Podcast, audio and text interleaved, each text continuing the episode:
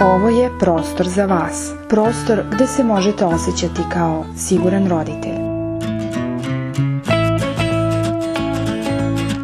Vaš domaćin je Nikolina Milosavljević, dečiji psiholog, psihoterapeut, praktičar terapije igrom i moja mama.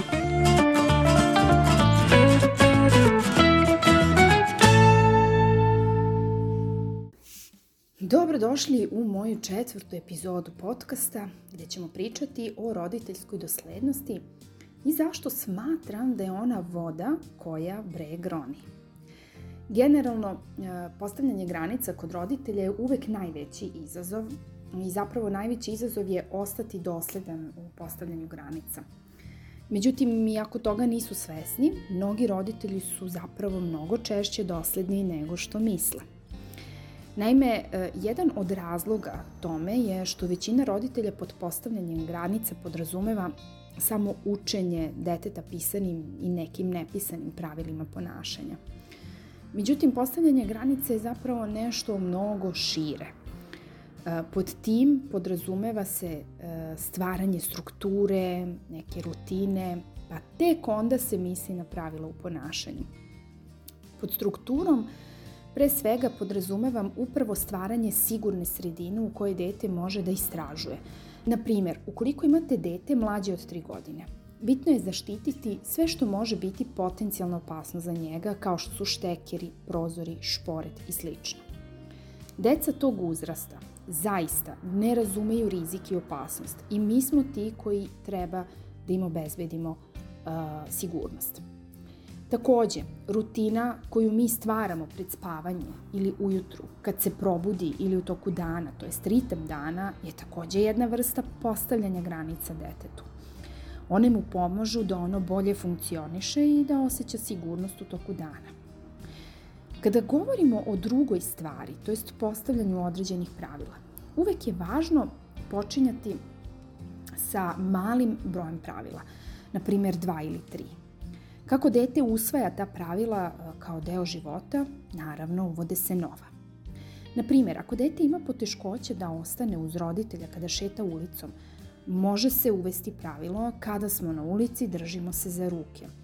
Dok, na primer, za dete koji ide u školu, pravilo može biti igrice se mogu koristiti kada su završene obaveze oko škole. Gde ovde nastupa doslednost? Doslednost nastupa kada se mi uporno i disciplinovano držimo strukture, rutine i pravila koje smo postavili. Na primer, dosledni smo u tome da u rutinu za spavanje i buđenje obavezno ide, na primer, pranje zuba ili da se dete istušira pred spavanje.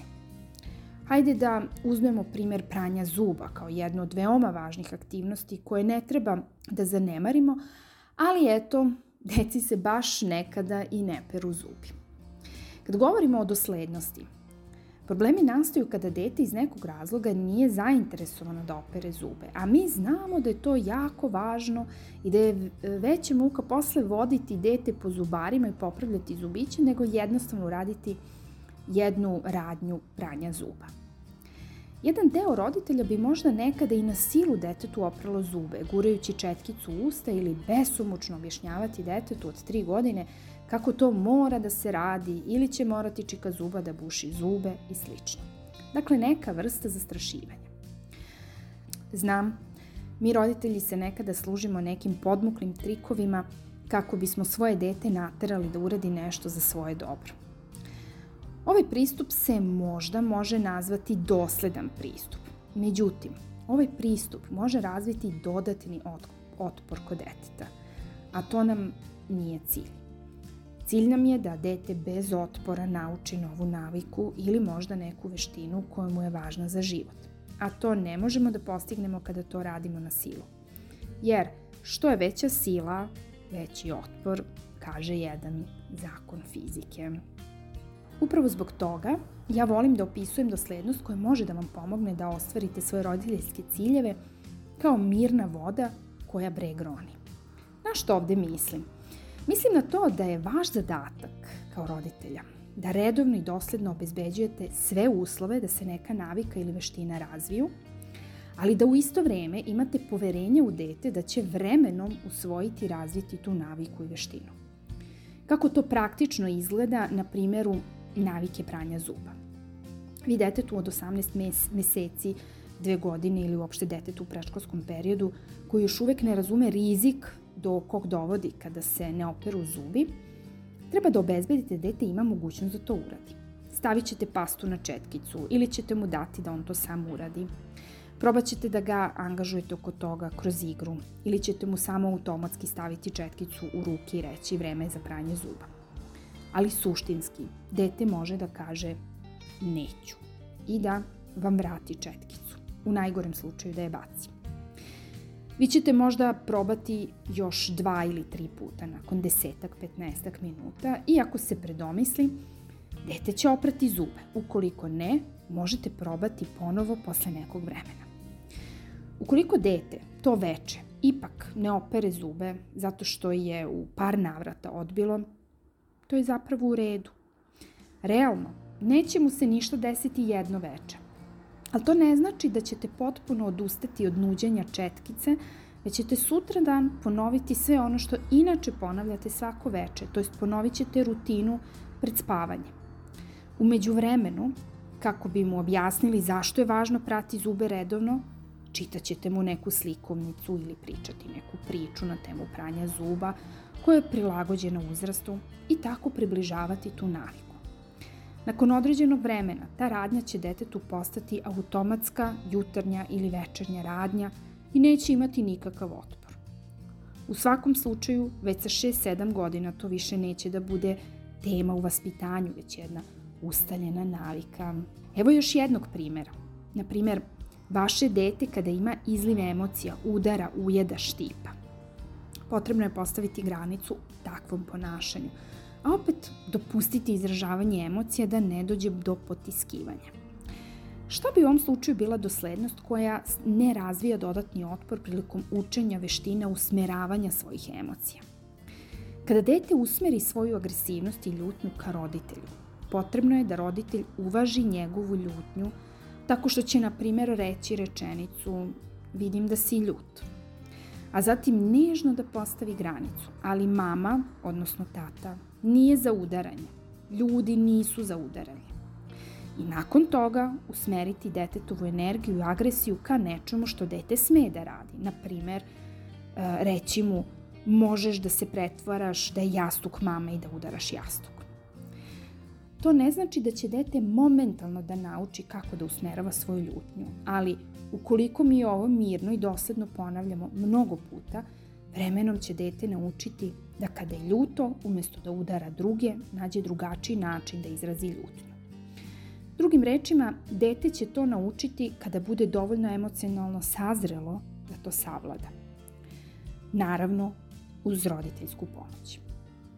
Ukoliko se baš dogodi da kao roditelji imate problem da ostanete dosledni i smireni, vrlo je važno da pokušate da otkrijete uzrok tome. Najčešće na što se žale roditelji koji dolaze kod mene su preplavljenost poslom ili možda umor. I onda, kada smo neraspoloženi, često umemo da planemo, izgubimo strpljenje, pa samim tim i doslednost.